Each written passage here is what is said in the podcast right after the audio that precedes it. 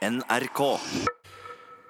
Og når det gjelder eh, eh, så ser det ut til å være en byll som bare fortsetter å skape ubehag for mange.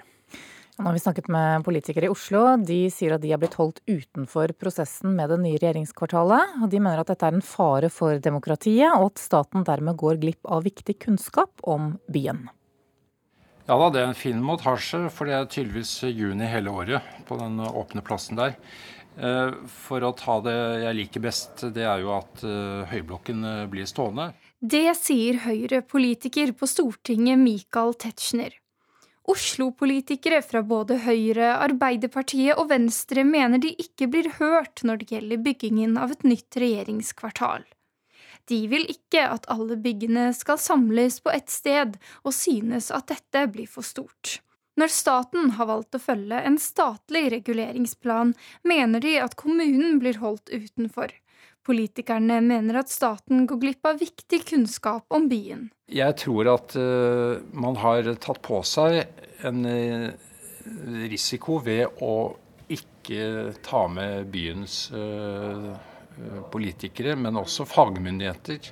Nå får de støtte fra forsker Gro Sandskjær Hansen ved Norsk institutt for by- og regionsforskning. Hun mener at dette er et godt eksempel på at staten velger et konsept først, uten å vite hvilke konsekvenser det har for byen. Vi krever at konseptet velges først, eh, og så tar du beslutninger på den utredninga. Og så begynner du å utrede konsekvensene. Hva har dette konseptet å si for f.eks. byliv, bevaringsverdier eh, Altså konsekvensen av det valget du har tatt. Og det mener vi er i feil rekkefølge. Da Venstre gikk inn i regjering, fikk de gjennomslag for å vurdere en nedskalering av det nye regjeringskvartalet. Guri Melby i Oslo Venstre mener det ikke har vært en god nok prosess.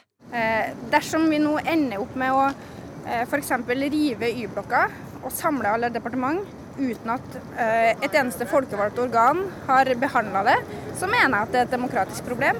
Også Arbeiderpartiets Jan Bøhler er frustrert. Det er klart at vi har ønska at dette nye regjeringskvartalet skulle være et, et prosjekt som har en sterk forankring, en felles forankring, og derfor ønska å ha en prosess opp mot regjeringen, men nå syns jeg, når det har gått tre år før vi har fått noen avklaring, at den prosessen går vel tregt. I en mail til NRK skriver Kommunal- og moderniseringsdepartementet følgende. Vi har et godt samarbeid med Oslo kommune. I tillegg til å være høringsinstans ved viktige milepæler, har både Statsbygg og departementet avholdt en rekke møter med kommunen. Det arbeides med vurdering av nedskalering og trinnvis utbygging.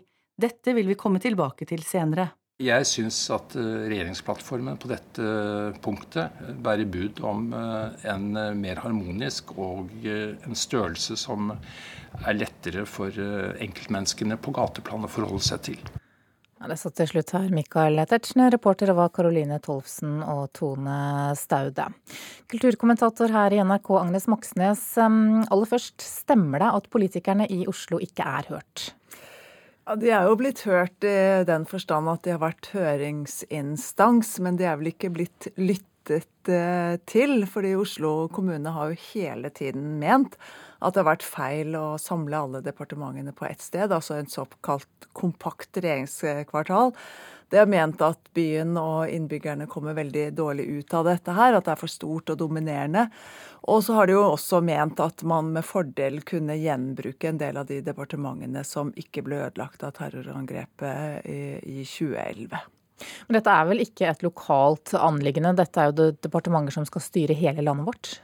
Ja, men eh, Oslo er jo vertskapskommunen, og normalt er det jo sånn at norske kommuner har mye de skulle sagt i sånne situasjoner som dette her. Men når det gjelder regjeringskvartalet, så er det ett element som har styrt den prosessen mer enn noe annet, og det har vært kravet til sikkerhet. Og hvilke føringer som gjelder der, det blir jo sjelden kjent for offentligheten. Hvordan vil du karakterisere denne prosessen som staten bruker da i, i dette prosjektet og i denne typen prosjekter? Det er iallfall veldig interessant å høre det forsker Gro Sandskjær Hansen peker på her. At det er en prosess som lett kan føre til mye uro. Først ble premissene lagt, altså uten at de folkevalgte, folkevalgte hadde stort skulle sagt. Så gikk reguleringsplanene igjennom. Eh, også der, uten at de folkevalgte hadde så mye de skulle sagt. Jan Bøhler, Arbeiderpartipolitikeren vi hørte her, har støtt og stadig vært opp på Stortingets eh, talestol de siste årene. Har ikke ført så mye med seg. Og det vi nå ser er jo, og hører, er jo at en Oslo-politiker fra regjeringspartiet Høyre, altså Michael Tetzschner, eh, av den grunn føler seg fri til å mene at eh, regjeringens prosess med det nye regjeringskvartalet er, er på feil spor både når det gjelder samfunnsøkonomi, eh, byutvikling, sikkerhetsmessig, også det kulturhistoriske spørsmålet. Hva skjer fremover eh, nå, da? Ja, Det er jo det store spørsmålet. Regjeringskvartalet er ferdig tegnet. Eh, den ble avholdt en konkurranse som var ferdig på høsten 2017. Eh, det er snart eh, ferdig prosjektert etter seks års eh, planlegging. Men nå kommer jo på alvor de spørsmålene som stilles. Altså er dette det riktige regjeringskvartalet? Er det det vi ønsker oss? Er det det byen vil ha?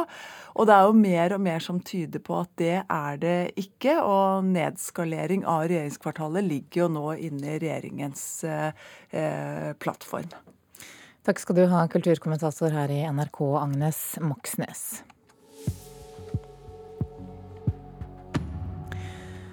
Det er fortsatt ingen løsning i meklingen som kan føre til en storstreik her i NRK. Fristen for enighet gikk ut ved midnatt, altså for over åtte åtte timer siden. Men arbeidsgiverorganisasjonen Spekter sitter fortsatt i mekling med fagforeningene Norsk Journalistlag og LO Stat. Og reporter Tone Staude, du er på Riksmeklerens kontor. Er det noe nytt? Nei, eh, Riksmeklerens dør er eh, like lukket som den har vært nå i eh, to timer. Bak denne lukkede døren sitter altså LO Stat og Norsk Journalistlag i møte med arbeidsgiverorganisasjonen Spekter. Og sist eh, Torkjell Nesheim eh, hos Riksmekleren var ute og sa noe, så sa han at det eh, er fortsatt dialog. Det er eh, tilbud og krav frem og tilbake, men avstanden er fortsatt stor, og det gjenstår en del. Men det er altså over eh, tre timer siden han sa. Mm. Du må si litt eh, om hva denne konflikten handler om. Det Oppgjøret gjelder altså 2300 ansatte her i NRK. Ja. Eh, det er, først må jeg si at det er ikke uvanlig at partene fortsetter etter at meklingsfristen eh, utløper, hvis de har en slags felles forståelse av at det fortsatt er noe å snakke om. Men altså i eh, tillegg til økt lønn, så krever eh, Norsk Journalistlag lønnsmessig likebehandling av tilkallingsvikarer, samt at NRK følger opp sine ansatte og sørger for oppdatert kompetanse. Og en NRK potensiell NRK-streik omfatter da over 2300 eh, ansatte. Mm. Men eh, jeg har fått eh, hørt rykter om at det er blitt servert kaffe der nede, i hvert fall de siste timene? Ja, partene har kommet ut og inn med kaffekopper og boller fra et, et nærliggende kaffested. Så det kan vel tyde på at de tar seg fortsatt tid og snakker sammen. Du følger meklingen. Takk skal du ha så langt, reporter Tone Staude. De fleste av eh, oss som har gått på skole her i landet har et forhold til Rikskonsertene. I januar 1968, altså for 50 år siden, så åpnet Rikskonsertene sin aller første konsertsesong. Den startet i Hammerfest, og samme år ble det også den første skolekonserten avholdt. Vi har vært i arkivet, vi fant ikke noe fra 1968, men derimot fra 1969, og programmet Glimt fra musikklivet her i NRK. og Der kunne vi bl.a. høre litt fra et bestillingsverk fra Per Hjort Albertsen for solist pluss skoleorkester.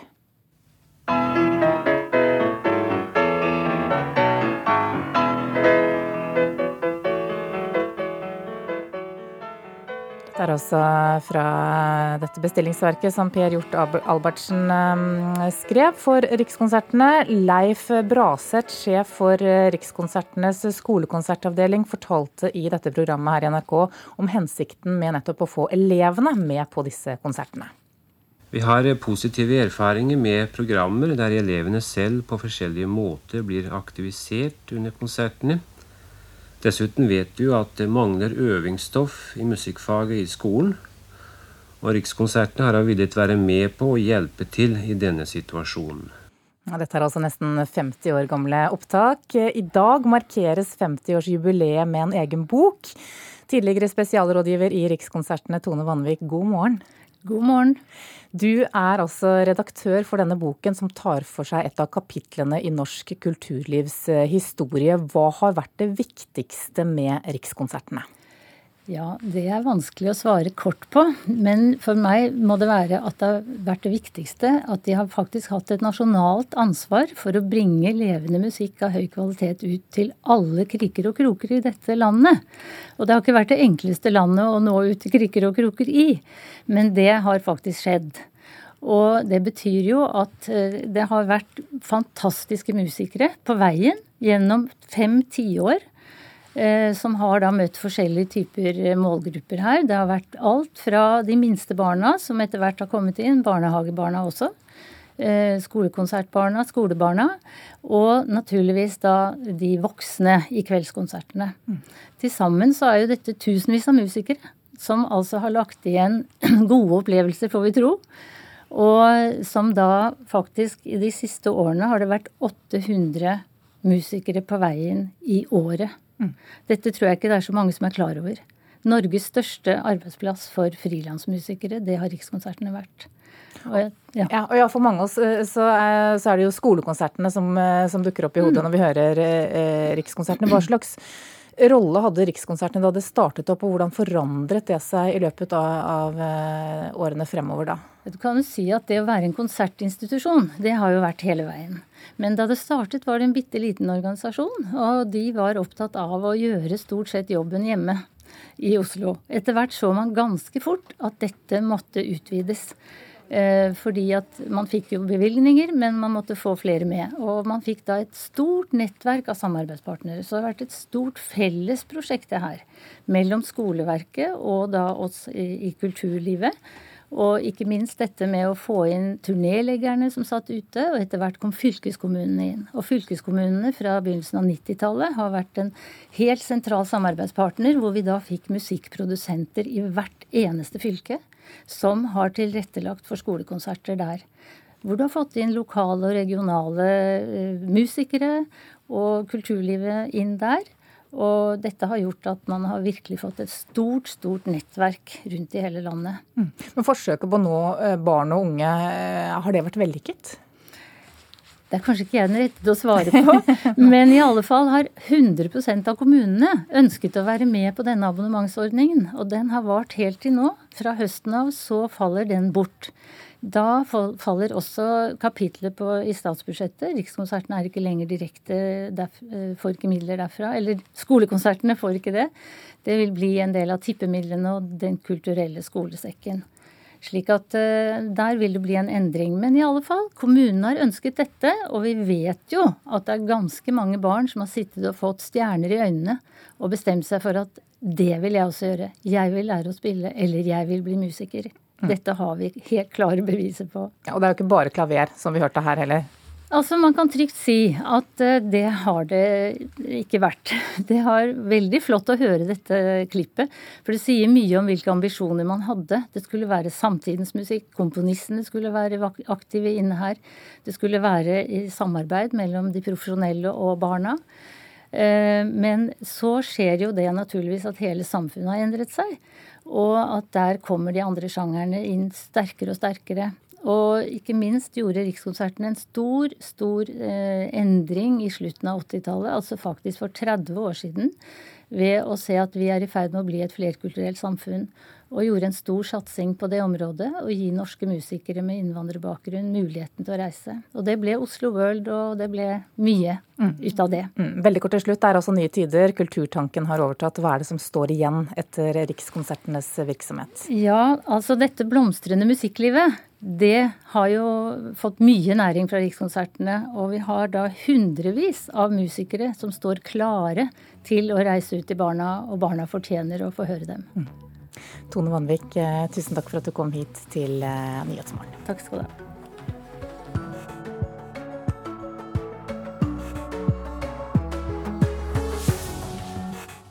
NRK.